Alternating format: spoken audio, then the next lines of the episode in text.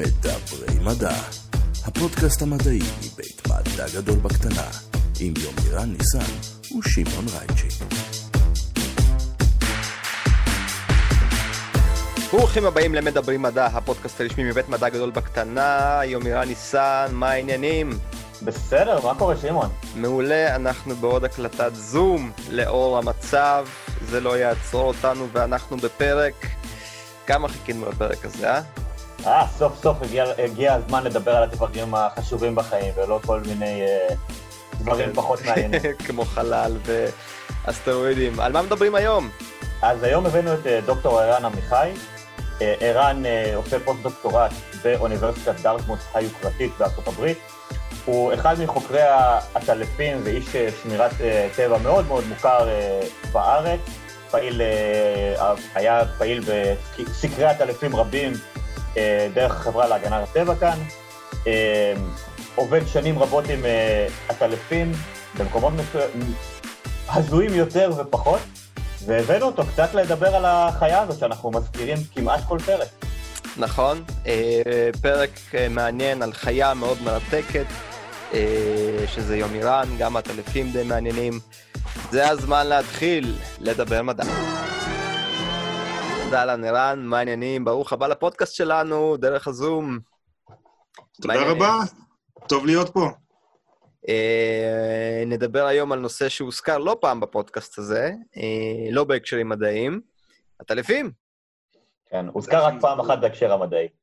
כן, אתה אה, מתרגש עם דיברנו? עם דרור על הקורונה ועל הקשר בין נגיפים לקור- לעטלפים, ומאז כל שאר הזמן זה עטלפים בחלל, עט- עטלף, בובת עטלף ודברים כאלה. אז כן, ברור שאני מתרגש. ערן, אתה אבל- חייב לחדש לנו עטלפים בחלל. יש המון- עטלפים בחלל? יש המון שאלות פתוחות. עטלפים בחלל זה קצת מעל ה pay grade שלי, אבל אה, אולי מישהו בסוף יגיע לשם, אני יודע. כן, אבל אה, שתדע לך, כשרק אה, התחלנו את הפודקאסט, ויומירן ואני הכרנו, הוא לקח אותי למעבדת, אה, למעבדה שבה הוא עובד, וראיתי... שזו אותה מעבדה שערן עבד בה במשך שנים. כן, אני קצת מכיר את מעבדה. המעבדה הזו. וליטפתי עטלפים. אמ, באמת אה, חוויה ייחודית. היום קצת אה, נצלול לעומק. טוב אה, מאוד. אתה רוצה להציג את עצמך? כי צחוקים צחוקים, אבל אה, זה פודקאסט רציני. בשמחה. אז שמי ערן עמיחי, אני פוסט-דוקטורט כרגע בדארטמות' קולג' בארצות הברית. עשיתי את הדוקטורט שלי במעבדה של פרופסור יובל בתל אביב, בבית הספר לזואולוגיה. אה, את המאסטר גם בבית הספר לזואולוגיה, תחת אה, פרופסור יום טוב. אה, ועכשיו אה, אני עדיין בעטלפים, אבל לא בישראל. חוקר אה, בעיקר אה, את ההצטלבות בין חישה והתנהגות ואקולוגיה. אלה ה... ה... זה השילוש הקדוש שאני מתעסק בו הרבה. התנהגות, חישה ואקולוגיה. אוקיי, התנהגות, אני יכול לדמיין מה זה בערך, אקולוגיה גם, מה זה חישה? חישה זה אה, ה... בעצם איך העטלף חווה את הסביבה שלו, איך חיה בכלל חווה את הסביבה שלה. אנחנו מדברים המון על התנהגות של בעלי חיים, כשהתנהגות אה, באופן בסיסי, אה, אה, נהוג לחשוב ששלושת התפקידים העיקריים זה לאכול, לא להאכל ולהתרבות, וכל השאר זה פועל יוצא של שלושת הדירקטיבות המרכזיות האלה. אבל כדי שהתנהגות תהיה מוצלחת ובאמת תספק לאורגניזם את, ה, את התוצאות הרצויות מבחינתו, או מבחינת, מבחינה אבולוציונית, אז uh, הוא חייב לקבל מידע אמין על הסביבה. התיווך בין האורגניזם לסביבה נעשה באמצעות מערכת החושים שלו. לכל אורגניזם יש מערכת חישה שונה, או מערכת חושים שונים, uh, ו... כל אורגניזם פיתח במהלך האבולוציה איזושהי מערכת שנותנת לו את המידע הרלוונטי ביותר לגבי אה, הסביבה שבה הוא צפוי לחיות וה... וצורת החיים שלו. אה, מאוד מפורסמים בקטע, של... בקטע הזה, ובזכות הסונאר שלהם. נכון, אפרס... אה, אפרסקים, איך שיצא לי. אנחנו, אנחנו נשאר עם הטלפים. אה, אז הטלפים באמת אה, מפורסמים אה, גם, אה, גם בצורה אה, אה, אמיתית וגם הרבה מיתוסים לא נכונים לגבי החישה שלהם, אז אה, אולי נתחיל עם המיתוס הלא נכון, שהוא זה שהם לא רואים, שזה כמובן אה, שקר ועלבון גדול. אה, הטלפים כן רואים. אני חושב שרובם אפילו רואים יותר טוב מאיתנו. כאילו. לא יודע אם הייתי מרחיק לכת עד כך, אבל יש לא מעט מינים שלפחות בלילה רואים יותר טוב מאיתנו. כן. אמ, אבל מה שכן נכון זה שיש להם מערכת חושים אחת, או מערכת חישה אחת, שהיא אה, לא לגמרי ייחודית להם, אבל, אה, אבל די ייחודית לעטלפים, אפשר למצוא אותה גם כן ביונקים ימיים למשל, שזה אקולוקציה או ביוסונר. זה חוש שהוא מאוד מעניין, כי הוא, בניגוד לרוב החושים האחרים, זה חוש שבו האורגניזם מוציא אנרגיה אל הסביבה, ובאמצעות האנרגיה הזו הוא מקבל בחזרה אינפוט, אינפורמציה. אה, זאת אומרת שיש לו הרבה שליטה על איך הוא משיג את המידע שלו, מצד אחד. מצד שני, זה גם נותן לנו הזדמנות כחוקרים, אנחנו יכולים למדוד את האנרגיה הזו שהוא מוציא ואת ההדים שחוזרים, אה, ואנחנו יכולים באמצעות זה לדעת הרבה על א', מה הטלף עושה, ב', מה הוא מקבל, ג', איך הוא מייעל את מערכת החישה שלו כדי לקבל אינפורצ... אינפורמציה יותר טובה ויותר רלוונטית, שזה ממש פותח לנו חלון להיות לתוך הראש של העטלף, ואם uh, יש uh, איזשהו מאמר פילוסופי מאוד מפורסם, uh, שנקרא What is it like to be a bet, אז בעצם מי שחוקר אקולוקציה במידה מסוימת יודע what it is like to be a bet, uh, וזה באמת כלי מאוד מאוד חשוב למחקר התנהגות ואקולוגיה ובעלי חיים. האם... אני רוצה רק לציין, אה, שנייה רגע, שמעון, בבקשה, אה, שני דברים חשובים. הדבר הראשון, מה שבעצם ערן דיבר עליו, חישה או תגובה לגירויים מהסביבה, זה אחד מההגדרות של ביולוג... משש ההגדרות של ביולוגים ליצור חי. זאת אומרת, כל היצורים החיים, באשר הם, חשים את הסביבה שלהם ומגיבים לסביבה שלהם, הן החיצונית והן הפנימית. מה עם חמשת האחרות, אם אנחנו כבר עוסקים ב... אז חמשת האחרות, הראשונה זה בידוד מהסביבה, זאת אומרת הומואוסטזה, אוקיי? Mm-hmm. חילוף חומרים, נשימה, אכילה, כל הדברים האלה. התפתחות, זאת אומרת שיש שינוי של היצור לאורך חייו, אה, ואבולוציה אה, והורשה, שאלה שני דברים נפרדים, אבל גם שהולכים ביחד, שיש בעצם שינוי של החומר הגנטי מדור לדור, ורבייה. אני מתחיל לחשוד שכשסימנו וירוס כחי בארץ סיור טעינו. אה, יש על זה המון המון דיונים פילוסופיים כאלה ואחרים בין וירולוגים, אנחנו כרגע לא בשיחה עם וירולוגיה. אני טוען שזו סמנטיקה.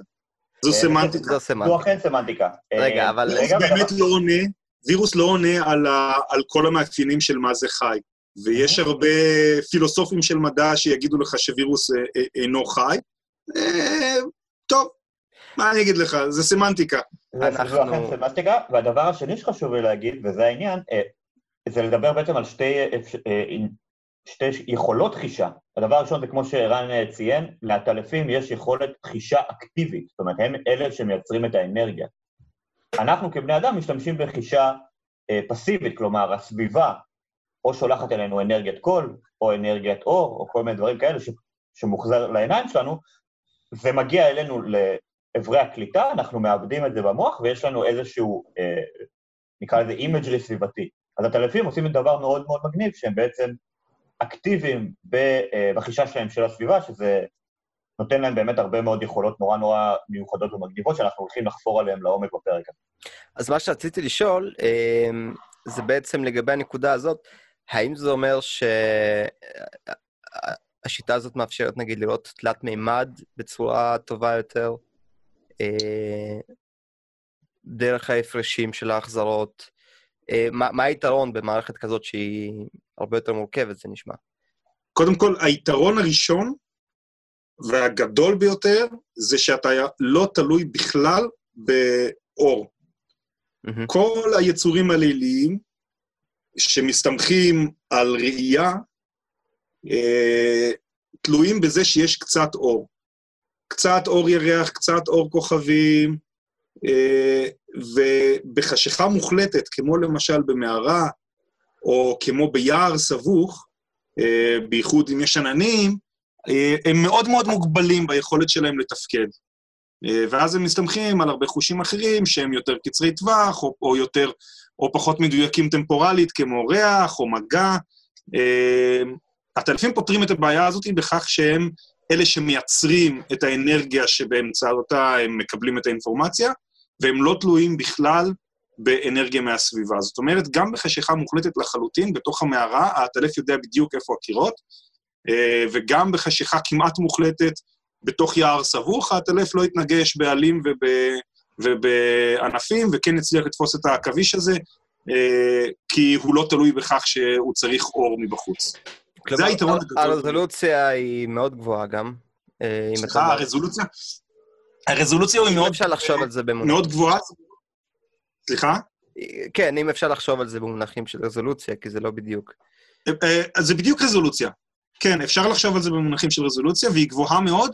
יש בזה המון, אה, פה כבר אנחנו נכנסים לניואנסים שאני מניח שנגיע אליהם יותר מאוחר, אבל לכל עטלף לכל מין עטלף, אה, וזו קבוצה ענקית עם מעל 1,400 מינים מוכרים כיום, אה, אז לכל מין של עטלף יש איזושהי, איזושהי סביבה אקולוגית שבה הוא מתפקד, שאליה הוא עבר, אה, הברירה הטבעית שלו אופטימלית לסביבה כזו או אחרת, וזה מתבטא גם בסיגנל שהוא מייצר, ויש סיגנלים שיש פה trade-off, אחד ה trade-off ים הבסיסיים ביותר באקולוקציה, זה ה trade-off בין אה, מרחק זיהוי, טווח זיהוי, לבין גודל מטרה שאתה יכול לזהות. Mm-hmm. אה, זה דברים שהם די בהכרח באים אחד על חשבון השני, בגלל הפיזיקה של קול. אה, וישנם עטלפים שהם יותר מותאמים להגדלת טווח הזיהוי, ואז הם רואים, יכולת הזיהוי שלהם הוא של מטרות פחות קטנות, זאת אומרת, הרזולוציה שלהם היא פחות טובה, אה, וישנם עטלפים שמותאמים לצד השני, כלומר, טווח זיהוי מאוד מאוד קצר, אבל רזולוציה מאוד מאוד גבוהה, וזה ספקטרום שיש גם באמצע. כן, אה, לפני שאני רוצה... הצייד של עכביש, זאת מטרה ממש קטנה. קודם כל, יש, יש עכבישים גדולים. כן. מה שיפה, למשל, בציד של עכבישים, זה שישנם עטלפים, כאלה שמתמחים בציד עכבישים, שיודעים לדעת מאיזה צד של הרשת יושב העכביש, ולבוא מהצד הנכון. ממש לתפוס אותו, להוציא אותו מהרשת ולתת ריברס אחורה בלי להסתבך בתוך הכורים האלה. אה, זה לדעתי יותר מרשים מאשר לזהות את האטלף עצמו. סליחה שקטעתי אותך, ערן, כן. לא, אין בעיה. אה, לפני פשוט שניכנס יותר לעומק, אה, כן חשוב לי שערן ייתן לנו איזה, נקרא לזה רקע אבולוציוני, על ההתפתחות של האטלפים, מתי זה התרחש לפי מה שאנחנו יודעים, מה הגיע קודם, התעופה או האקולוקציה, התאמות לנישות שונות, משפחות, מה שנקרא טקסונומיה קצת. אוקיי, אה, בסיס לעטלפים. הבסיס לעטלפולוג מתחיל. אז קודם כל... א', בת. א', בת, כן. יפה. אה, זה, אתה יודע, זה אומר שאתה מתאים, מבחינת חוש ההומור שלך, אתה כבר מתאים להיות בדוקטורט. את המשחקי מילים מדעיים, זה בדרך כלל רק עם שלב ב' של דוקטורט מתחילים להעביר את הבדיחות האלה, אז... אה, אני לא יודע אם אני צריך... אה, אתה כבר שם. אם אני צריך להיות גאה כמנגיש מדע, או נבוך כקומיקאי. אולי שניהם. אה, כן. אז עטלפים זו סדרה במחלקת היונקים. אני לא אכנס לתוך כל הנושא של טקסונומיה בגדול, נכון? לא, לא, אין טוב. אז uh, עטלפים זו סדרה במחלקת היונקים. זו הסדרה השנייה בגודלה מבחינת כמות המינים. Uh, הראשונה היא מכרסמים, השנייה היא עטלפים. כל שאר הסדרות הרבה הרבה פחות מינים. Uh, מעל 1,400 מינים נפוצים בכל העולם, למעט אנטרקטיקה, uh, כולל באיים האוקיאנים המבודדים ביותר, יש לא מעט מקומות באוקיינוס שקט למשל, שהטלפים היונקים אה, היחידים באיים הללו, היונקים המקוריים היחידים, ולא... על מה לא... זה מעיד? על הגיל של המין הזה? של ה... לא, זה מעיד על יכולת, על יכולת התנועה שלהם. התעופה, הם מגיעים לאיים האלה מהיבשות? מהיבשות או ב island hopping. אה, יש עוד מאפיין... אתה חושב שבהוואי ובגלפגוס? יש מה? רק. אני אומר, לשמעון, תחשוב שלדוגמה, בהוואי או בגלפגות, שהם literally באמצע שום מקום, המינים היחידים של יונקים, שהם אנדמיים, שלא האדם מביא אותם, הם עטלפים. רק. גם ניו זילנד. גם, כמובן, כן, גם מזינה. אה, זה, וזה, יש עוד משהו, עטלפים זו קבוצה כזו מרתקת, שלא משנה לאיזה משפט תביא, אנחנו נגיע ל... אה, גם זה מדהים. אז הפיזיולוגיה שלהם מדהימה. אה, ועטלפים מסוגלים, הם אומנם יונקים, שזה מה שנקרא אנדותרמים, אבל הם גם הטרוטרמיים, כלומר, הם מסוגלים להוריד בצורה דרסטית את הקצב המטבולי שלהם, אה, וכך להישאר באיזושהי תרדמה למשך תקופה ארוכה, שבה הם לא צריכים לא לשתות, לא לאכול, אה, טמפרטורת הסביבה לא ממש משנה להם, והם יכולים ככה אה, להגדיל אפילו יותר את מרחק ה- ההפצה שלהם מעבר למה שהיה בתעופה. אתה מדבר בעיקר אבל על עטלפי חרקים, אם אני, אם אני זוכר נכון. לא כל העטלפים יכולים נראה לעשות את זה, אז, כולם. אז קודם כל זה לא ברור לגמרי. מהמם. לא לגמרי ברור, וישנן אה, עדויות שגם עטלפי... תכף, אתה יודע מה? תכף אנחנו נתקן גם את הטעות של עטלפי חרקים ועטלפי פירות, אבל, כן, אה, אבל ישנן עדויות שגם מה שנקרא עטלפי פרי של העולם הישן, שזה מה שאתה מתכוון כשאתה אומר עטלפי פירות, נכון. אה, אה, מסוגלים ל- להיכנס לטורפור, ובתנאים המתאימים אפילו להיברנציה. מהמם. אה, אבל אלה רק קבוצה קטנה מתוך קבוצת העטלפים. אז אם נמשיך רגע בטקסונומיה, אה, קבוצת העטלפים, השם המדעי שלה זה כירופטרה, כאשר חירו זה יד, פטרה זה כנף, כנף ידיים אפשר היה לקרוא להם בעברית, וזה שם נהדר. כנף ידיים. אז כנף ידיים, כן, הם עפים עם הידיים. אם תסתכל כן. על כנף של הטלף, אתה תראה שזה יד יונקית טיפוסית, חמש אצבעות, אותו תתחיל- מספר פרקי אצבעות כמו אצלך, יומרן, תתחיל לחשוב על ז'אנר מוזיקלי, כי זה לא מטאל. כנף ידיים. כנף ידיים? אה, נשמע, אתה יודע. זה שלישיית גשר הירקון. כן, האמת שכן, זה משהו בסגנון. רק חשב שעכשיו אה, שמעון, כל פעם שנדבר על אה, עטלפים, יגיד, אה, זה כנף ידיים. זה כנף ידיים. מצוין. אה, כן, האמת כן. משהו חדש. רואים את זה ממש יפה, ימירה נראה לי עטלף, למרות שהעטלף כנראה לא ממש היה מבסוט מהעניין. ממש רואים את האצבעות שהופכות ל... כן. תגיד, לפני שאתה ממשיך לפרט, לאיזה קבוצה העטלפים הכי קרובים? כי כי הם מאוד ייחודיים בהכל. אז מבחינה פילוגנטית, הם כנראה קרובים ביותר לטורפים. לטורפים, ואחר כך במידה אה, שנייה לפרסטנים. אה, כלומר, כל הקשקושים האלה של הטלב, של עכבר עם כנפיים, כן, לא רק שזה מעליב, זה גם לא נכון אה, פילוגנטית. אה, מעליב גם את העטלפים וגם את העכברים שיש להם... וגם את, לא, את העכברים, לעכברים זה צריך להחמיא, זה מעליב את העטלפים ואת חוקרי העטלפים. אמ, אבל אם כבר לדבר על זה, אז אנחנו, הפרימטים, יותר קרובים פילוגנטית למכרסמים מאשר העטלפים קרובים אליהם. וואו. אה, אז אנחנו בעצם מכרסם עם מוח גדול, אה, ולא העטלף הוא עכבר עם כנפיים.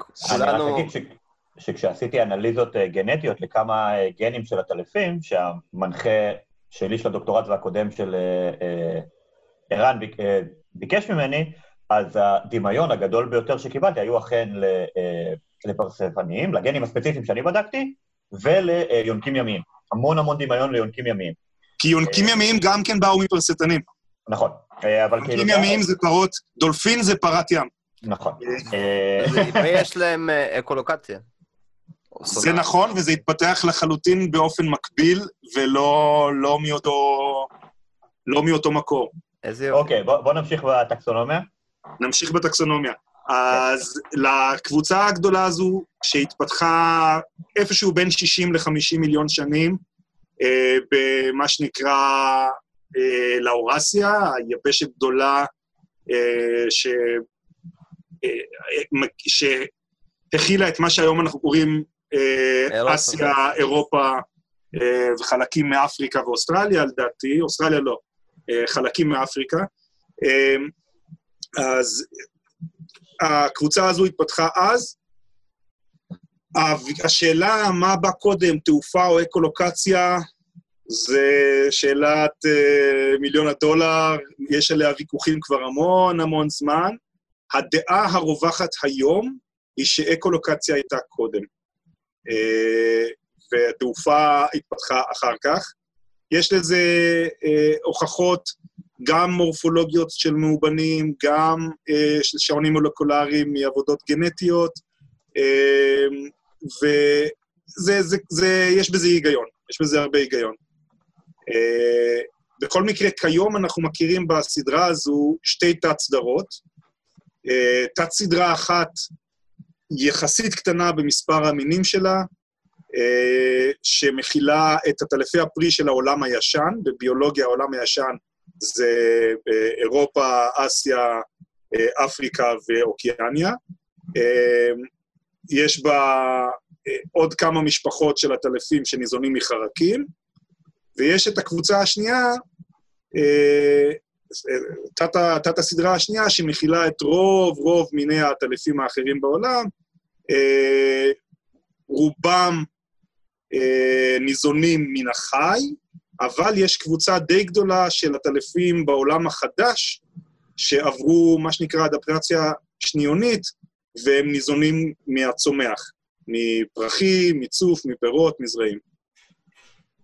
אנחנו חייבים לפחות בשאלה להזכיר ערפדים.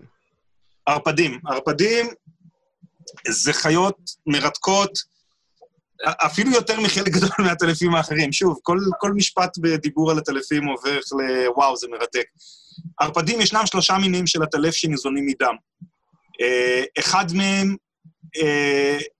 יכול ליזון רק מדם של עופות, השני יכול ליזון רק מדם של יונקים, השלישי יכול ליזון גם וגם. הם כולם עטלפים קטנים, בגודל של נגיד 15 גרם, זה הגדול ביותר. הם כולם חיים במרכז ודרום אמריקה, ובדרום צפון אמריקה, כלומר מקסיקו. ואין אף אחד בטרנסילבניה, נתחיל מזה. לצערנו, בוא נגיד, כי אז היה קרוב ללכת אותם. הם מרתקים מגוון עצום של סיבות. קודם כל, חיי החברה שלהם הם, הם מטורפים. עם זיהוי אינדיבידואלי, עם מה שנקרא tit for tat, כלומר, מחזירים טובה ספציפית לכאלה שעזרו להם בעבר. זה חברות שחלקן הן נשלטות נקבות.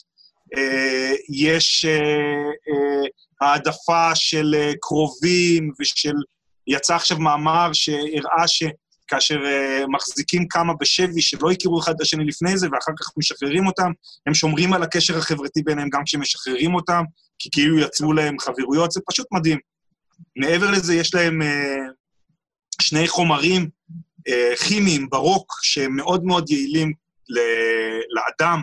אחד זה חומר מאלחש מאוד חזק, שהעטלף מלקק את הקורבן שאותו הוא רוצה לפצוע על מנת לשתות חלק מדמו, אז הוא מלקק שם, ואז נעיצת השיניים היא כמעט ולא מורגשת על ידי הפרה או התרנגולת או whatever.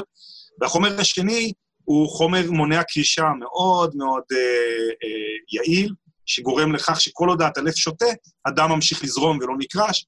אה, באמת... אה, אז uh, אני רק אוסיף על, ה, על הערפדים באמת. דבר ראשון, זה הטלף היחיד שיודע לרוץ, זאת אומרת, ממש לרוץ. הדבר השני המגניב הוא הטלף היחיד, כמו שערן אמר, שיש לו הרס. זאת אומרת, החומרים האלה שהוא מפריש, המש, החלבון של, של הנוגד קרישה, יש לו שם נורא מגניב שנקרא דרקולין. אז זה הקשר לטרנסילבניה. וכמו שערן אמר, ה-tit for tat שלהם זה מדהים. אם נגיד הטלף אחד הצליח להשיג אוכל, אז הוא ילך ויעזור לכאלה שלא הצליחו ופשוט יפלוט את הדם לתוך פה של מישהו אחר, שזה אלטרואיזם די מדהים, כי הם חיה סופר חברתית. ונראה לי עוד דבר נורא מגניב שכדאי לציין בקטע, בהקשר שלהם, דם זה נוזל נורא נורא בעייתי להיות ניזון ממנו. הוא עשיר בעיקר בנוזלים, עם מעט מאוד חומרים אחרים, ויש שם הרבה מאוד דברים שעלולים להיות בעייתיים, כמו לדוגמה פתוגנים. זאת אומרת, זה יוצר בעיה מאוד רצינית. אבולוציה שהמיקרוביום שלהם עבר, כלומר, החיידקים והיצורים החיים שמאחסנים את המעיים שלהם ואת מערכת העיכול שלהם, התפתחה בצורה מטורפת כדי לאפשר את התזונה הספציפית הזו, שזה משהו מטורף, והרבה מאוד עבודות מאוד מולקולריות ומאוד רציניות נעשו במיוחד בשנים האחרונות, אה, וזה פשוט אה, משהו, כמו שערן אמר, אם, אם איפה שלא תשים את האצבע בעטלפים, אתה תמצא משהו מטורף, אז אצל ערפדים הם פשוט לוקחים את זה, נראה לי עוד רמה אחת למעלה, כי זה פשוט משהו חריג ביחס לכל שאר היצורים החיים. אני מתחיל אה, לקבל כן. תחושה שעשינו להם עוול בתרבות הפופולרית שלנו. שאלה, הזכרת חיי חברה עשירים, אנחנו הרבה פעמים כשאנחנו נתקלים בטלפים בטלוויזיה ו... או בתחנה המרכזית החדשה, אה, אנחנו רואים קבוצות עצומות של, אה, זאת אומרת, של, אה, אני לא יודע לאמוד כמה, אבל אנחנו פשוט רואים קבוצות עצומות של הטלפים. איך הם מצליחים להסתדר בכזאת כמות כשיש מקום מוגבל ואוכל מוגבל, ו, ובכלל, איך, איך מנווטים בתוך ים עטלפים אחרים. וואי, הניווט זה שאלה אדירה, כן. זו שאלה שמחולקת להרבה שאלות.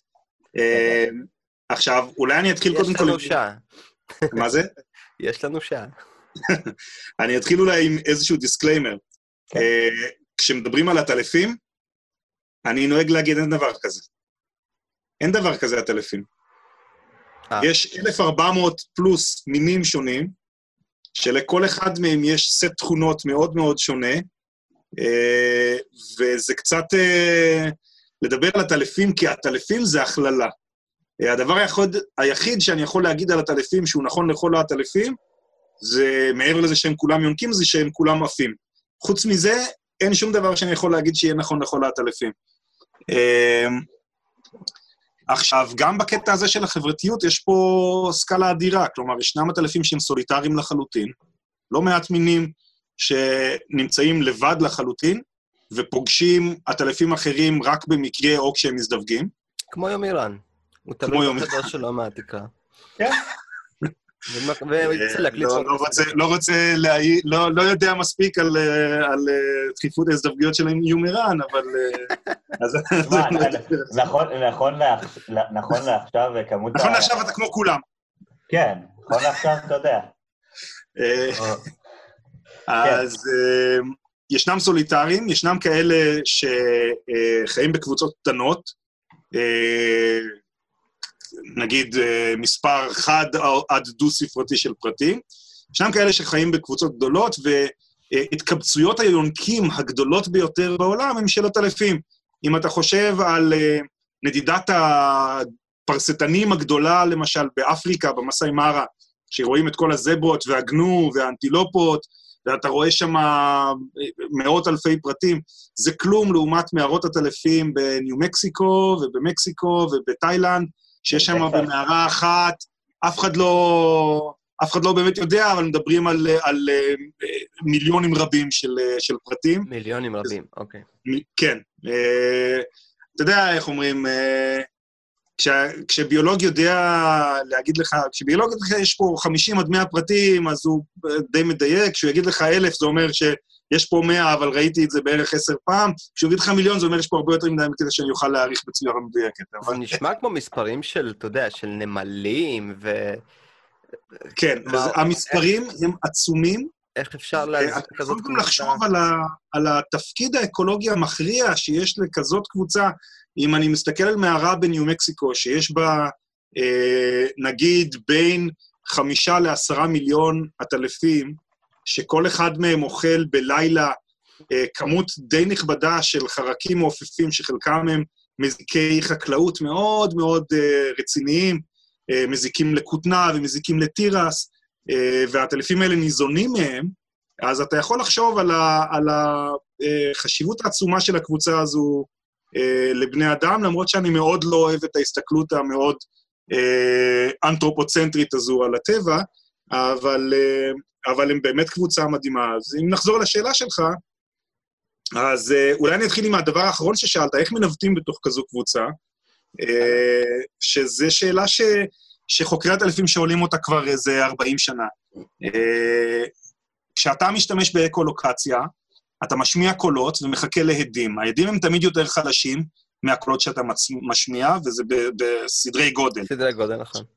וכשאתה עף וסביבך יש, בוא נגיד בסביבה הקרובה שלך יש עוד איזה 20, 30, 40, 50 עטלפים, שכולם קוראים גם כן, ואתה שומע גם את הקריאות שלהם וגם את ההדים שלהם, אז אתה מגיע למצב שבו פשוט, לש... א', לשמוע את ההדים שחוזרים מהקריאות שלך זה מאוד מאתגר, ב', לשייך את ההד הספציפי לקריאה הספציפית ולהגיד, זה שלי וזה שלי, זה מאתגר כפליים. אה, וישנן הרבה תיאוריות בנושא הזה.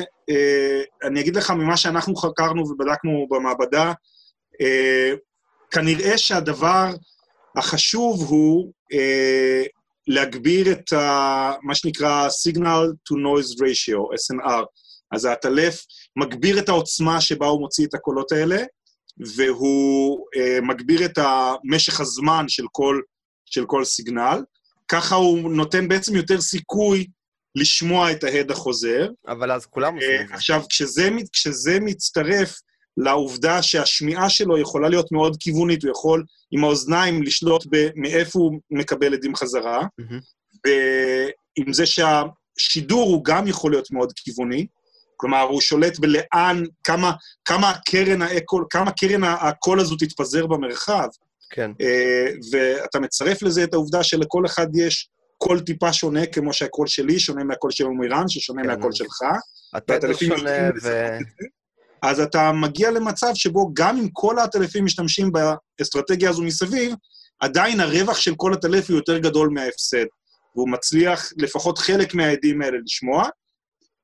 אבל שלא יספרו לך שטויות, בעת יציאה המונית כזו מהמערה, למשל, הם בהחלט מתנגשים אחד בשני, מתנגשים בקירות, מתנגשים בצמחים, ורק אחרי זה, כשהם יוצאים ומתפזרים קצת, החישה שלהם באמת, באמת הופכת להיות יותר יעילה.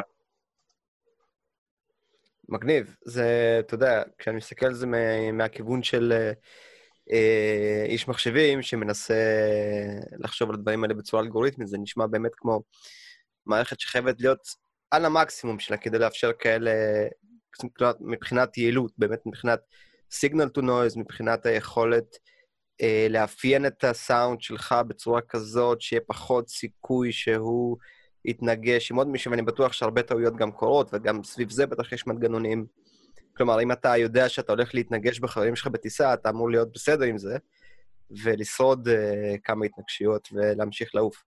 הרוב, כן, כן, הרוב שורדים את ההתנגשויות וממשיכים לעוף, ויש כאלה שלא, ואתה בסוף, בסוף כל אירוע הגחה, במקום, במערה גדולה שבה ישנה הגחה אה, סינכרונית אה, משמעותית, אתה בסוף כל ערב תמצא על הרצפה עטלפים עם כנפיים שבורות, ויש לא מעט אה, שוכני קרקע שנהנים מה, מהמן הזה שנופל עליהם מהשמיים. כשהמספרים כל כך גדולים, כן, אנחנו לא, לא רגילים לחשוב על זה אצל בני אדם, אבל אה, כמה קורבנות זה, זה בסדר. כן, נכון. אה, אני רק אגיד את זה, ב... אני רק אוסיף על מה שאמרת, אה, הכיוון של מדעי המחשב והשילוב של מדעי המחשב בחקר של הטלפים הוא מאוד מאוד משמעותי, כולל גם אצלנו במעבדה. עושים את זה המון, וזה נורא נורא קשה למדל ברמה גבוהה את ההתנהגות שלהם בגלל כמובן כמות המשתנים הגדולה, כמות הרעש הגדולה, כמו שאמרת, היחס בין uh, noise to ratio וגם כמובן שזה ישמור עדיין על יעילות, והעניין עם חושים אחרים, אתה יודע, תחשוב שזה בעצם לנסות לנהל uh, שיחת uh, בית קפה בזמן, uh, לא יודע, במשחק כדורגל שצורכים מסביבך עשרות אלפי אנשים. זה בלתי אפשרי. צריך אז לעשות איזשהו, נקרא לזה give and take. כן. אה, וזה בהחלט משהו אבל ש, שנעשה, והאתגרים בתחום מאוד מאוד אה, גדולים. ותחשוב על זה שגם כמובן, אם אה, נלמד לחלוטין למדל את זה, אז האפשרויות הטכנולוגיות, במיוחד בתעשיית הרחפנים, הרכבים האוטונומיים, דברים דומים, הן עצומות, הן פסיכיות. אולי ניתן לעטלפים לנהוג ברחפנים. הם יעשו עבודה הרבה הרבה יותר טובה מה... מרוב. מהרוב המכריע של הרחפנים. עשו את זה עם דבורה, ששתלו אותה בתוך מתקן שעושה לה ממש VR של תעופה, ולפי, כלומר, הדבורה או הצירה, אני לא זוכר, היא מקובעת? זה, זה דבורים, זה מאמר שיצא לפני פחות משנה, זה פשוט נהדר. לא, ראיתי כן. את זה לפני, לפני תקופה. אה, אם זה יכול, כאילו, אני מניח שעשו את זה יותר מפעם אחת. אבל זה ממש מגניב, זאת אומרת, רואים איך היא מנווטת אה, אה, פסיכי. תגיד, אה, אם יש כל כך הרבה פריטים וכאלה חיי חברה, אה, אפשר לדבר על אה, אישיות? זאת אומרת, הזכרת מקודם את הטלפים שנותנים, אה, תורמים מזון אחד לשני. מה, מה, מה עוד אפשר ללמוד מהם? אז אוקיי, יש בעולם הביולוגיה, בייחוד כשאתה מתחיל להיכנס לנושאים של קוגניציה, אתה נכנס למלחמות עולם. ומלחמות העולם האלה, שבדרך כלל בין ביולוגים שההכשרה שלהם היא ביולוגיה וביולוגיית שדה, לבין ביולוגים שההכשרה שלהם היא פסיכולוגיה, מלחמות שבדרך כלל מתנהלות על, ה, על, על הקו הגבול של אנחנו בני האדם מיוחדים, מצד אחד, לעומת אנחנו בני האדם חלק מהטבע ואנחנו פשוט נמצאים בצד אחד של, הס, של הספקטרום, אבל אין בנו שום דבר שונה מצד שני. אני נמצא בצד הזה. Uh, עכשיו, תיקח כל מי שעבד עם בעלי חיים, בייחוד עם מי שעבד עם בעלי חיים עם אותם פרטים לזמן ממושך, הוא יגיד לך שהוא יכול לזהות את הבעלי חיים האלה בין אם זה אה, דולפין או דבורה, אתה תדע זה א' וזה ב', לפי איך שהם עפים, לפי מתי הם באים מחליטים לבוא לאכול, לפי אלף ואחד דברים קטנים שאתה אולי אפילו לא יכול לשים עליהם את האצבע. Mm-hmm. אז אתה שואל אותי האם יש לעטלפים אישיות? אני אומר לך במאה אחוז כן. עכשיו, אם תשאל פסיכולוג, הוא יגיד לך, מה פתאום אישיות יש רק לבני אדם?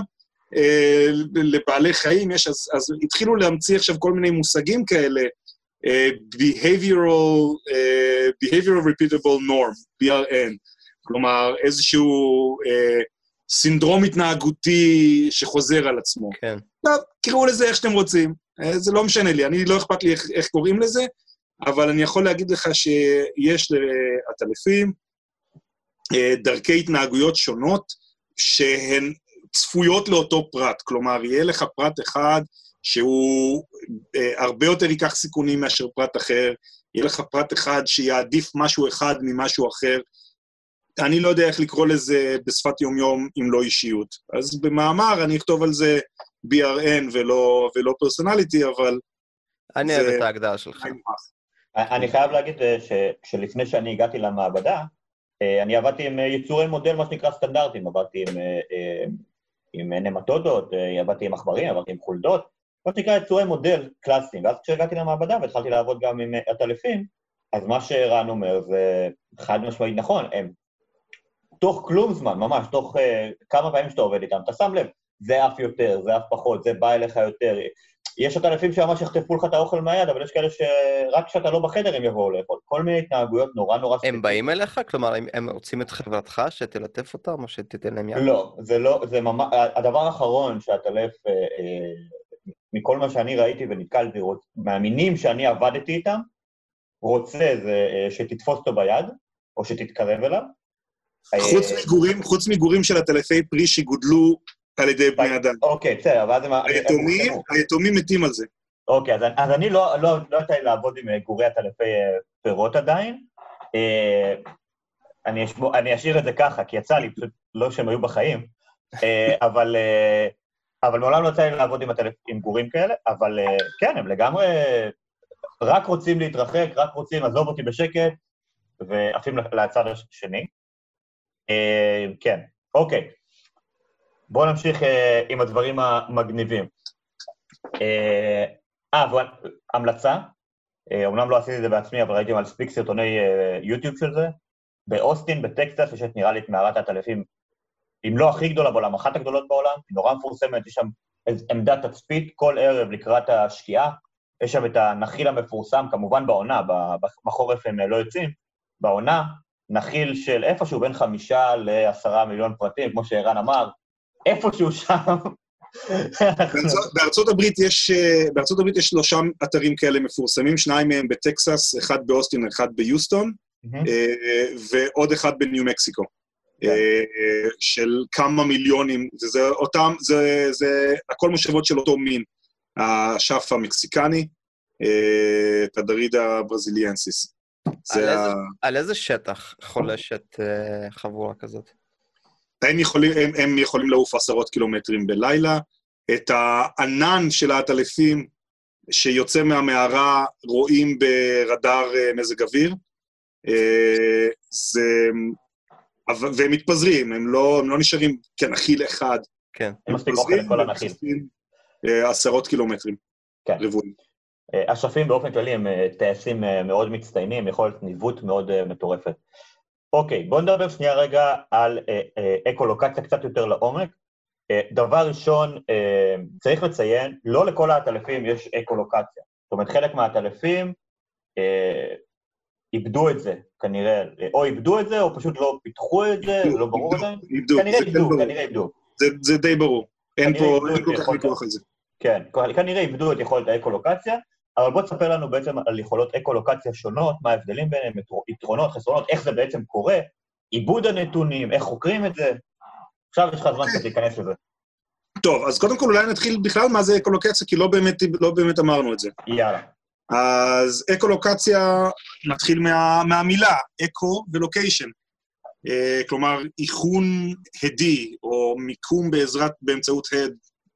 אה, ומה שהטלפים עושים, הם מוציאים קולות, חוץ מבאמת יוצא דופן אחד, הקולות שהם מוציאים זה הקולות כמו שאנחנו מדברים, כלומר, אוויר שמרעיד את מיתרי הקול, והקול אה, יוצא או מהאף או מהפה, uh, הקול הזה יוצא לסביבה, uh, זה אנרגיית גלים, אנרגיית קול זה אנרגיית גלים, הגלים האלה פוגעים בעצמים ומחזירים הדים, הד, גל חוזר אל, אליך, אל מי ששידר אותו.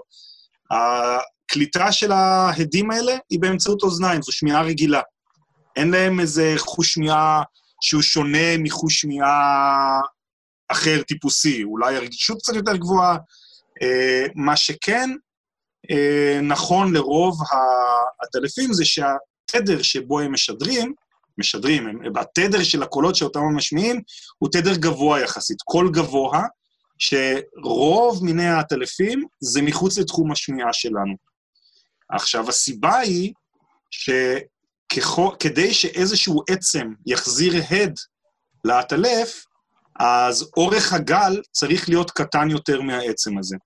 אה, ואורך, כדי שהעטלף יוכל לזהות מטרות קטנות, הוא חייב להשתמש באורכי גל קצרים, שזה תדר גבוה, אה, כאשר המחיר של זה הוא שהקולות האלה לא מגיעים למרחק רב. כלומר, גם העטלפים שמותאמים לטווח גילוי גבוה, הם עטלפים שבעצם מבחינים במטרות שלהם יחסית מאוחר, נגיד 20-30 מטר לכל היותר, עכשיו, כשאתה עף במהירות של 60, 70, 80 קמ"ש, זה כלום. צריך תגובות שהן מאוד מאוד מהירות כדי להיות מסוגלים להתמודד עם, ה, עם המרווח הקצר הזה בין מתי קיבלת את האינפורמציה, למה אתה צריך, איך להגיב אליה. אה, האנלוגיה שאני הכי... אני אומר, האנלוגיה שאני הכי אוהב לתת לזה, זה תחשוב שאתה נוסע על כביש 6, עם, במהירות של 150-180, ומה שנותן, מאיר לך את הדרך קדימה זה הפנס של הפלאפון שלך, בגדול. פלוס מינוס, כאילו, זה, זה האנלוגיה שאני אוהב לתת לה זמן תגובה נדרש. כן. כן. אל תעשו את זה בבית, ילדים. כן, ממש תתנסו את זה. בדיוק, כן. אז, אוקיי. אז זה בגדול, זה, זה אקולוקציה בגדול. דיברתי על, על יוצא דופן אחד, שזה הטלף הפרי שלנו, שהוא משמיע את הקולות האלה לא על ידי, זה לא ווקליזציה, זה לא קול שהוא משמיע מהגרון, אלא זה צקצוקי לשון. נשמע אלה. מאוד ישראלי מצידה. כן, אה, למרות שזה הטלף מצרי, אז... אה, אה, אבל אה, כן, אותו דבר, מזרח תיכוני. וישנו עוד אה, מין אחד, אולי יותר, של הטלף באפריקה, שמשמיע קליקים על ידי זה שהוא מוחא כפיים בעצם. הכנפיים פוגעות אחת בשנייה, אה, מאמר שיצא דרך אגב מהמעבדה אה, של יומירן. אה, אז... אה, אבל זה, אלה באמת יוצאי דופן. מתוך אה, 1,400 בערך מינים של הטלפים שקיימים, אז הייתי אומר שאיזה 1,200 אה, מוציאים קולות כמו שאנחנו מוציאים, אה, ומשתמשים בזה לצורך האקולוקציה. אוקיי, אה, וכשהגל חוזר, אה, בדרך כלל אה, מדובר באיזשהו בלגן של גלים, כי בעצם הקרן קול מתפזרת, כל בליטה במשטח מוציאה הפרעה כזאת או אחרת, הגלים החוזרים מתהפכים, הורסים, בונים. נשמע כמו כוח עיבוד רב שדרוש כדי רק להבין, כלומר, לתרגם את הדבר הזה לאיזשהו פרספשן סביבתי, נשמע כמו מטלה לא פשוטה. זה, אני בטוח שזו מטלה לא פשוטה, אחרת אה, אני מניח שזה גם היה קצת יותר נפוץ בטבע. כן. אמ, אבל מה שאמרת זה נכון, זה אתגר חישובי מאוד רציני. אה, אנחנו יודעים למשל איך, אה, איך האטלף, איך המוח של האטלף מפרש את המרחק. זה דבר שאנחנו יודעים. ישנן אוכלוסיות של נוירונים, שהם מה שנקרא delay tuned neurons, כלומר, נוירונים שהם אה, אה, מפוקסי אה, עיכוב. כלומר, אם הטלף השמיע קול, ושלושה, שלוש אלפיות השנייה אחרי זה הוא שומע הד, אז אוכלוסייה מסוימת של נוירונים תירה.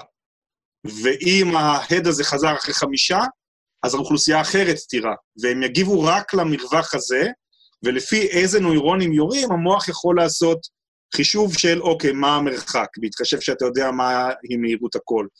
אה, אוקיי.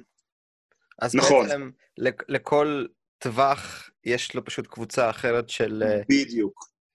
אה. של נוירונים שעוסקת בלפרש את ה... בדיוק, את הטווח הספציפי הזה, כן. וישנם עטלפים, העטלף שמופיע ב, ברקע של יומירן, אני יודע שבפודקאסט לא יראו את זה, אבל אני מניח שזה הביג לא, דראם.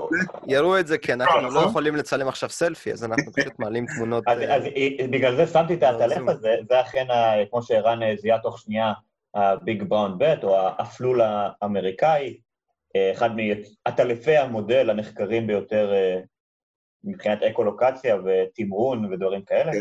אז אה, כן, ערן, תמשיך בבקשה. אז למשל, באטלף הזה אנחנו יודעים איפה במוח נמצאות אוכלוסיות הנוירונים של כל, של כל דיליי ספציפי.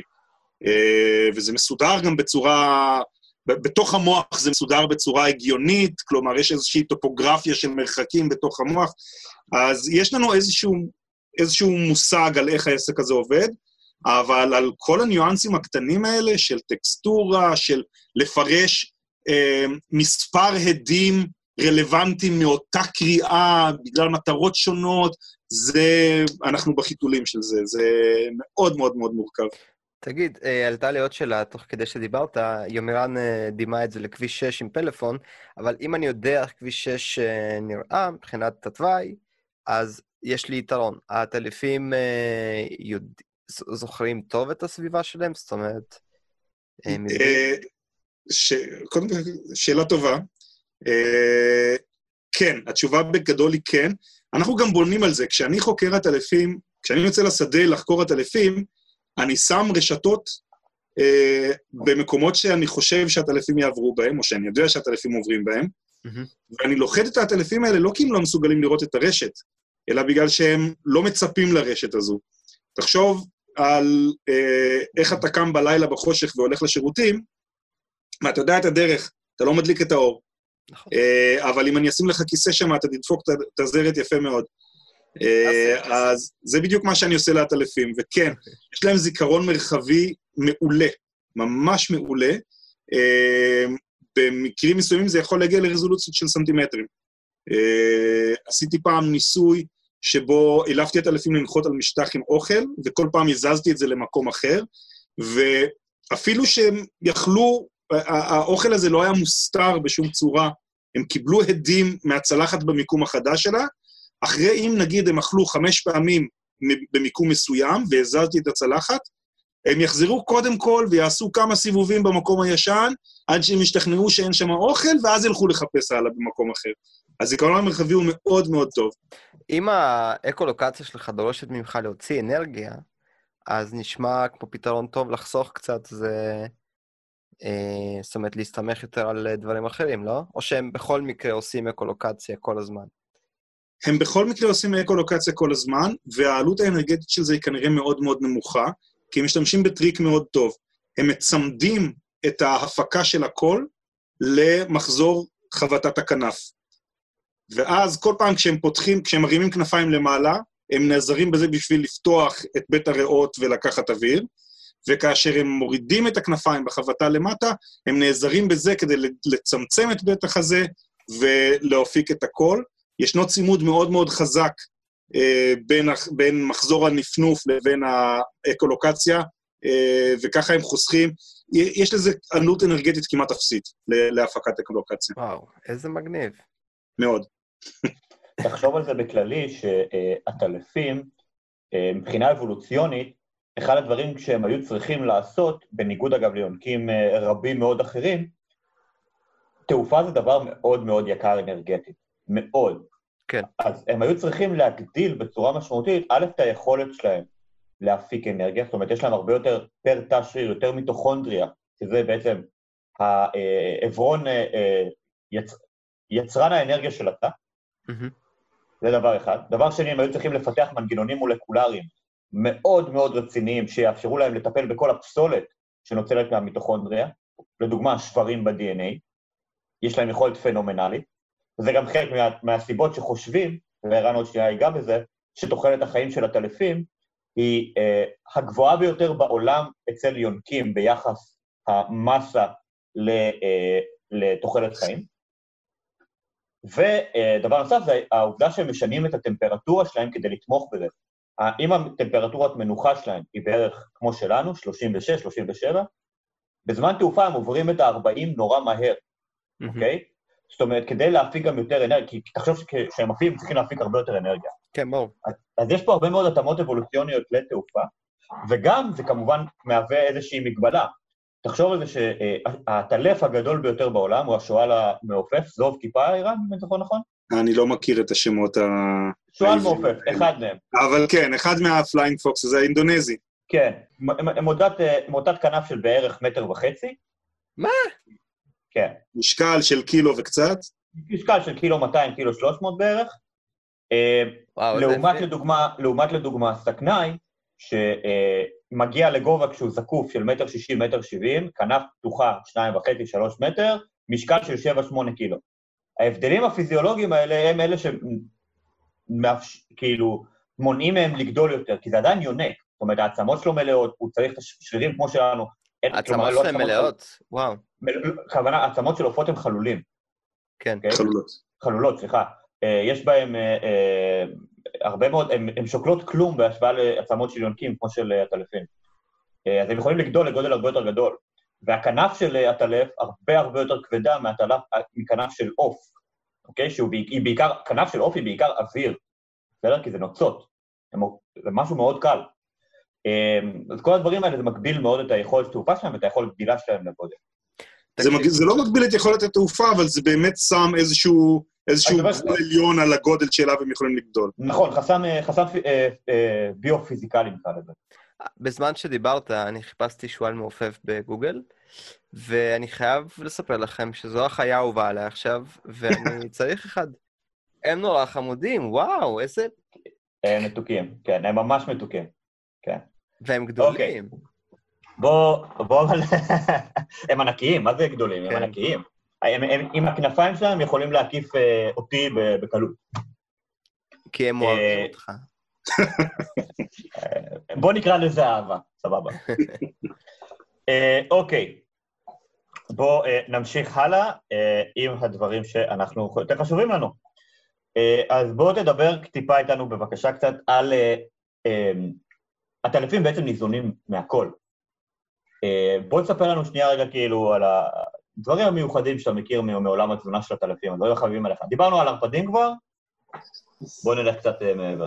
אה, אוקיי, אז תראה, אני אולי נתחיל באמת קודם כל בלתת את ה... את ה...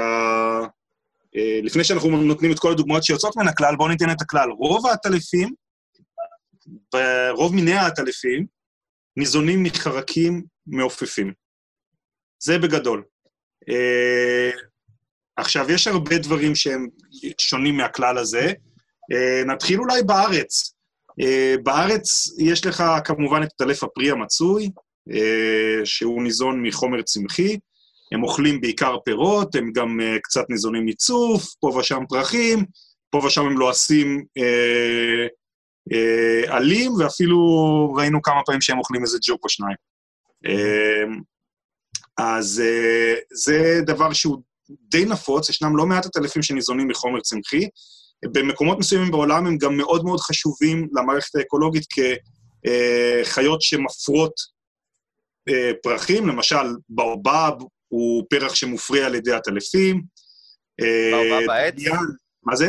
באובב העץ? באובב העץ, כן, זה שחיסל את העולם של הנסיך הקטן. כן. זה. אז זה לא עץ... הזכרו עטלפים בספר. נכון, שם יש כבשים ונחש בריח. נכון. אבל, אבל העץ הזה תלוי בעטלפים על מנת ש, שיאביקו את פרחיו. גם צמח שנקרא דוריאן, שהוא מאוד מאוד חשוב בכלכלה המזרח-אסייתית, ברדפרוט, אני חושב שקוראים לזה, הוא מופרה על ידי עטלפים. בארץ אתה יכול לראות את ההשפעה של עטלפי הפרי באופן מאוד קל לפי התפוצה של עצי תאנה. כמעט בפתח של כל מערה שבה יש עטלפים, אתה תראה עצי תאנה. זה בגלל שהם אוכלים את הפירות, והם מחרבנים, סלח לי על השפה, את הזרעים אה, בכל מקום, וככה הם יכולים להפיץ את העץ הזה אה, יפה מאוד. ויש אה, קשר מאוד הדוק בין אה, מינים של, של כל הקבוצת צמחים הענקית הזאת שהתאנה שייכת אליה, הפיקוסים למיניהם, לבין הטלפים בכל העולם, גם באסיה וגם באמריקה, הטלפים ניזונים מפיקוסים ומתאנים שונות.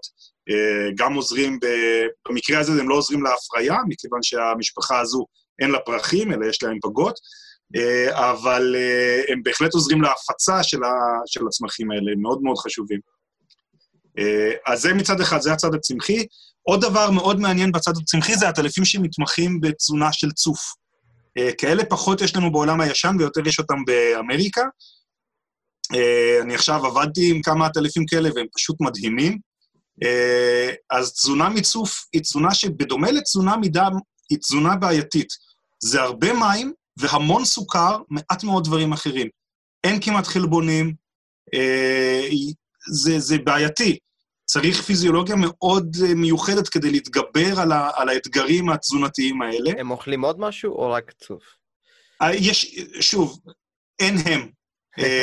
יש, לדעתי, יותר מ-100 מינים שאוכלים צוף, חלקם הם מה שנקרא אובליגטוריים, כלומר אוכלים רק צוף, וחלקם הם כאלה שהם מש... עושים צוף ועוד דברים אחרים, אה, באיזה יחסים זה שוב תלוי מאוד מאוד במין. אה, ישנם עטלפים שניזונים מצוף, שבלשון שלהם ישנו מרזב שעוזר להם אה, בעצם למצוץ, לשתות את הצוף מה... מהפרח וליזון ממנו. ישנם עטלפים אחרים שפטמיות הטעם שעל הלשון עברו איזושהי התאמה, שברגע שהלשון נכנסת לתוך הפרח, העטלף מזרים דם לתוך הלשון, והפטמיות האלה מזדקפות, תחשוב על זה כעל עשרות זקפות קטנות, אה, שמגדילות את שטח הפנים של הלשון, כן. אה, ועוזרות ללכוד כמות גדולה של צוף, וכשהטלף לוקח את הלשון חזרה, יש טיפה ענקית של צוף שמחוברת ללשון, אה, וכל הדבר הזה לוקח, אני עכשיו באמת, ממש לפני חודשיים חזרתי מעבודה עם הטלפים כאלה,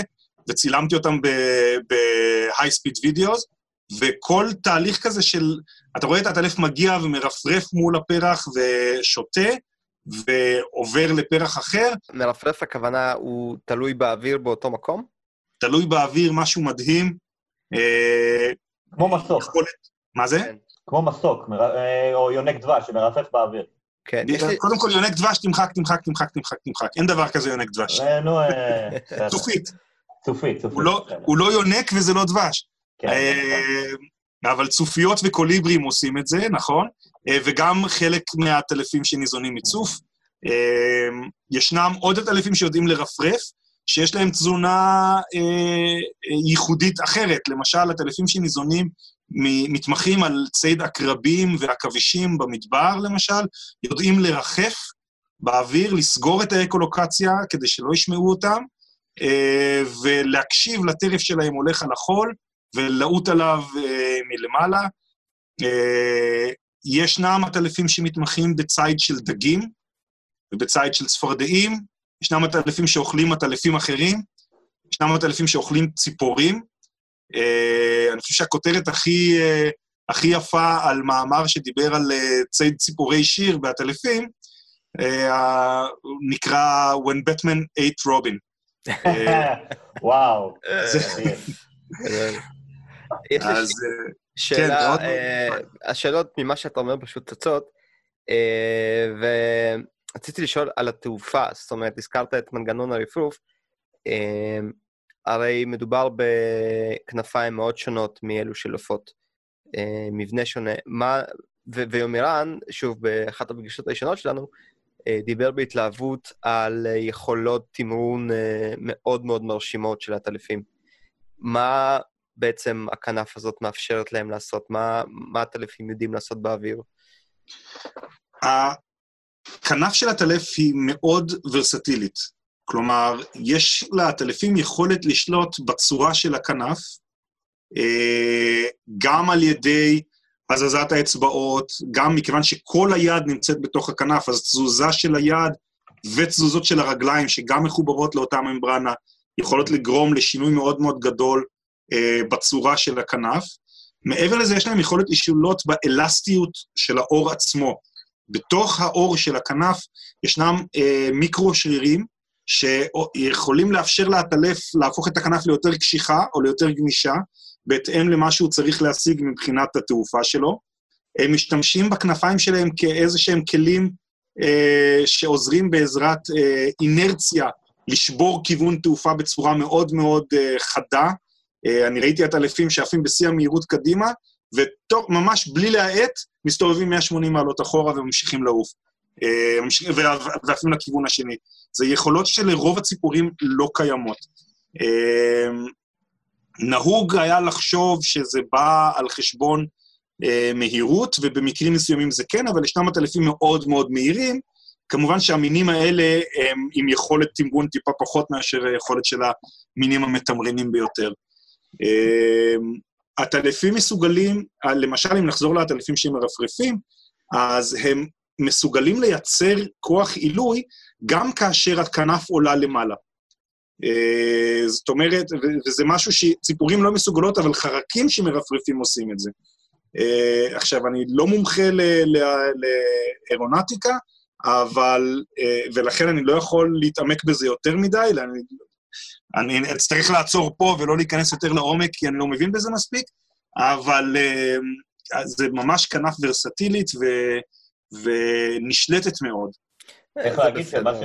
מה שנותן להם את היתרון באמת בקטע הזה, הספציפי, הוא הדרגות חופש. אה, כמו שלנו יש, יש לנו, אה, אמרנו הרי שהכנף שלהם מאוד מאוד דומה ליד אנושית, מבחינת המבנה הפיזיולוגי, כי זה יד של יונק בעצם. אה, אז יש, תחשוב כמה דרגות חופש יש לך בפרקים שלך.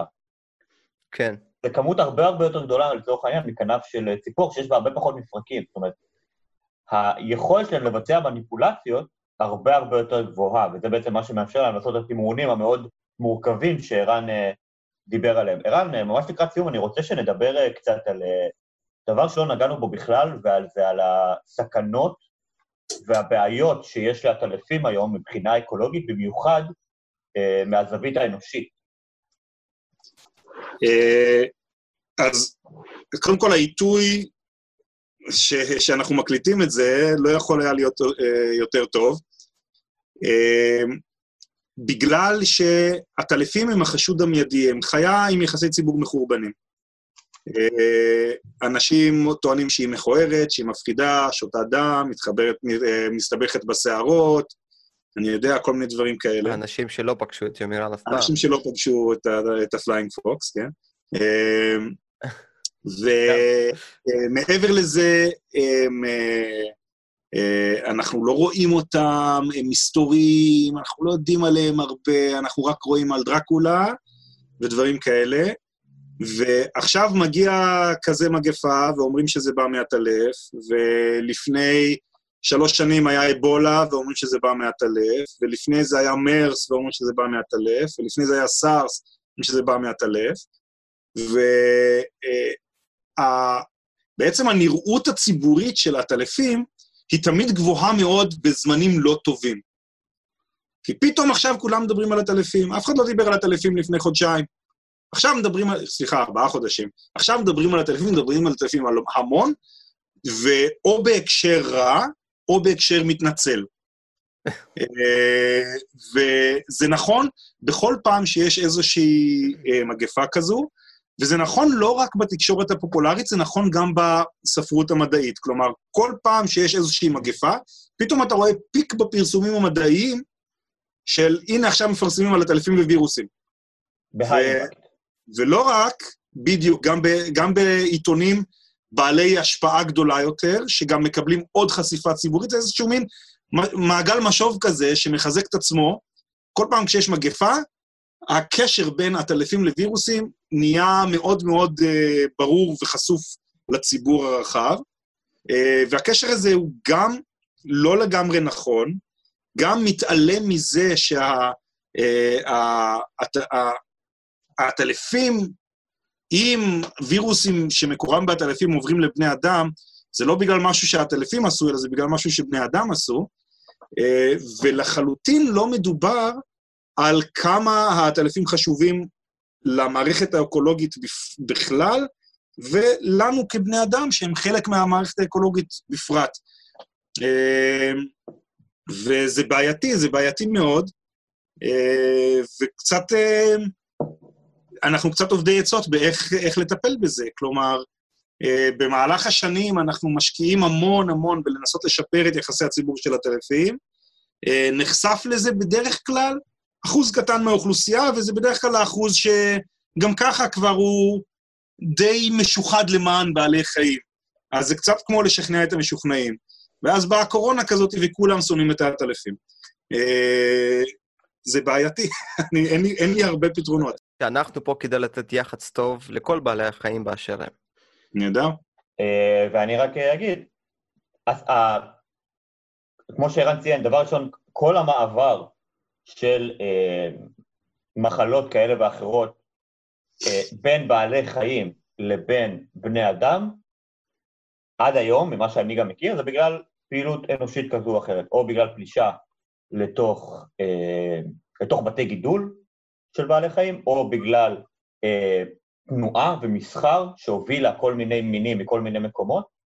אה, גם עכשיו, הרי אה, לצורך העניין, לפני 200 אה, שנה או 300 שנה, כשלא היו עדיין מטוסים או ספינות שחוצות את האטלנטי או את הפסיפיק בקצב גדול, האמריקות היו בטוחות לחלוטין, גם אם הייתה את ההתפרצות הזאת. זה דבר אחד. דבר שני, וזה הדבר באמת אה, המשמעותי, לעטלפים יש יכולת פנומנלית להיות עמידים לנגיפים. המערכת החיסונית שלהם התפתחה לאורך עשרות מיליוני שנות אבולוציה כדי לא להגיב בכלל לנגיפים. אין להם את התגובה הדלתית, זה לא פוגע בהם. אין להם NF קאפה בי? יש להם, יש להם, על אה, זה. אה, יש להם פשוט הרבה מאוד מנגנונים, שחלקם רק, אגב, נחקרים בשנים האחרונות, ואם יש משהו חיובי ביחסי ציבור הגרעים האלה שערן מדבר עליהם, זה זה שפתאום משקיעים הרבה מאוד כספים לחקור את uh, מערכת החיסון ואת uh, יכולת התגובה ואת האקולוגיה של הטלפים כדי להבין הבעיה אבל, חכה שנייה, סליחה שאני קוטע אותך, כן, כן. הבעיה עם חלק גדול מהפרסומים האלה, שהחוקרים הם וירולוגים או אפידמיולוגים ולא ביולוגים או חוקרי עטלפים, אה, והתפרסם לפני שנתיים בערך מאמר מאוד יפה ש, שניתח את זה, אה, שבכל המאמרים האלה ש, שחוקרים את היחס בין עטלפים לווירוסים, אז הראו, הם הראו במאמר הזה, אני זוכר נכון, 56% מהפרסומים האלה מדברים על העטלפים באיזושהי אה, קונוטציה רעה, ומזכירים את היכולת של הווירוסים האלה להיות deadly, להיות devastating, בלה בלה בלה, 56 אחוז, ו-96 אחוז מהמאמרים האלה לא מזכירים בכלל את החשיבות האקולוגית של הטלפים. אה, ויש פה איזשהו bias מאוד מאוד גרוע שמתחיל ממש בקהילה המדעית. אה, ומי שהחוקרים, שהם אלה שחוקרים את הווירוסים והטלפים, צריכים מאוד להיזהר בניסוחים שלהם. אני לא אומר שאין לחקור את הדבר הזה, חשוב לחקור את זה, אבל צריך מאוד להיזהר בניסוחים, ולזכור שאם עכשיו אני אעביר את האצבע שלי על הקיר פה של הדלת לידי, ואני אבדוק אם יש שם וירוסים, אני לא אתפלא אם ימצאו וירוס חדש למדע. אז uh, זה גם עניין של איפה לחפש. טוב, אה, אז נכון. הנה, אמרנו את זה, ואני מקווה שזה תחילת הדרך בניקוי שמם של הטלפים. צריך רק להזכיר אה, במילה אחת, שמעון, את העניין של שינוי אקלים, ואת ההשפעה המאוד משמעותית שיש לשינוי אקלים על הטלפים, וכחלק, וזה כאילו עכשיו זה משהו עוד קצת אה, מדהים, בגלל העניין של מעבר לאנרגיות ירוקות כאלו ואחרות, כמו לדוגמה שבשבות רוח, גם להם יש פגיעה מאוד משמעותית בעטלפ, בעטלפים, שפשוט עפים דרכם, אה, ומבחינתם זה כמו בלנדר בשמיים, גם לעופות, אה, וגם את הש- ההשפעה של שינויי האקלים עצמם על תפוצה ועל בתי גידול שהטלפים נמצאים בהם, ויש היום לא מעט מינים שנמצאים בסיכון בגלל הדברים האלה. ערן, אתה רוצה להוסיף על זה אולי משהו? אה, אם, אם אה, הזכרת את הטורבינות, אה, שזה נושא שאני מעורה בו ואני מעורב בו, טורבינות בישראל זה בעיה. זו בעיה גדולה גם לעטלפים וגם לציפורים. עכשיו, זה, זה... אני חושב שכל מי שעיניו בראשו יודע שלמרות כל פרפורי הגסיסה, אה, אנרגיות מבוססות פחמן, מבוססות פחם, הולכות החוצה לאט-לאט. אה, אבל יש דחיפה מאוד חזקה לדעתי של כל מיני אה, אילי אנרגיה ואילי הון, לשכנע, לדחוף גם את המחקר, גם את הפיתוח, גם את התפיסה הציבורית, לכך שיהיה איזושהי מערכת אחת שתספק לנו את האנרגיה. אה, זה לא ריאלי. העתיד האנרגטי, אני מוכן לחתום על זה, יהיה פסיפס של מקורות אנרגיה אה, ירוקים יותר וירוקים פחות. אה, יהיה לזה, אם זה הידרואלקטריקה, ואם זה אה, אנרגיה סולארית, ואם זה אנרגיית רוח, כשכל אזור אה, יעשה את זה לפי מה שמתאים לאזור. ובמדינת ש- ישראל, אני- בגלל חטאים פוליטיים, יש דחיפה לאנרגיות רוח, שהיא לא האנרגיה המתאימה למדינת ישראל. עכשיו, יבואו כל מיני מתנצלים ויגידו, סולארי ככה, סולארי ככה, סולארי ככה, הכל נכון, טוב ויפה, ובכל זאת סולארי יותר מתאים במדינת ישראל מרוח. בייחוד שישראל, מעבר לזה שמשטר הרוחות בה הוא לא מאוד כלכלי, ישראל היא מדינה שמעל שמיה עוברות כמויות מטורפות של ציפורים פעמיים בשנה, והציפורים האלה נטחנות במטחנות הבשר האלה כמו בשר במטחנת בשר, וגם הטלפים פה נפגעים בצורה מאוד מאוד גבוהה מטורבינות, אה, ואני חוזר ואומר שהשיקולים להקמת טורבינות בישראל על חשבון חוות סולריות הם שיקולים פוליטיים, כלכליים, ולא אנרגטיים, ובטח ובטח שלא סביבתיים. וזה טעות וזה חטא, ואני מקווה ש, ש, אה, שירדו מזה כמה שיותר בקרוב. הנה אמרנו. אמ, כן. אני מקווה שבפרק הזה... טוב, אני בטוח שבפרק הזה למדתם אה, הרבה דברים אה, מעניינים. אני פשוט יכול לשבת ולהקשיב. כן, כמות המידע, כמות הסוגים, אה, רק היא די מאלפת. דוקטור רן עמיחי, תודה רבה שבאת לפרק, באת לפודקאסט שלנו. אה, אנחנו- תודה רבה לכם, תענוג, התענוג היה שלי. כן, אנחנו uh, כמובן מקליטים את הפרק הזה עדיין בימי קורונה, ואנחנו מקווים שאנחנו לקראת אור בקצה המנהרה, אבל עד אז אנחנו שומרים את עצמנו, אנחנו שומרים גם על העטלפים שקרובים אלינו, ואנחנו בטח לא מייחסים להם דברים רעים, אנחנו אוהבים אותם. לכו, חבקו עטלף, כשכל זה ייגמר. אם לא תמצאו עטלף לחבק, חבקו את יומירן.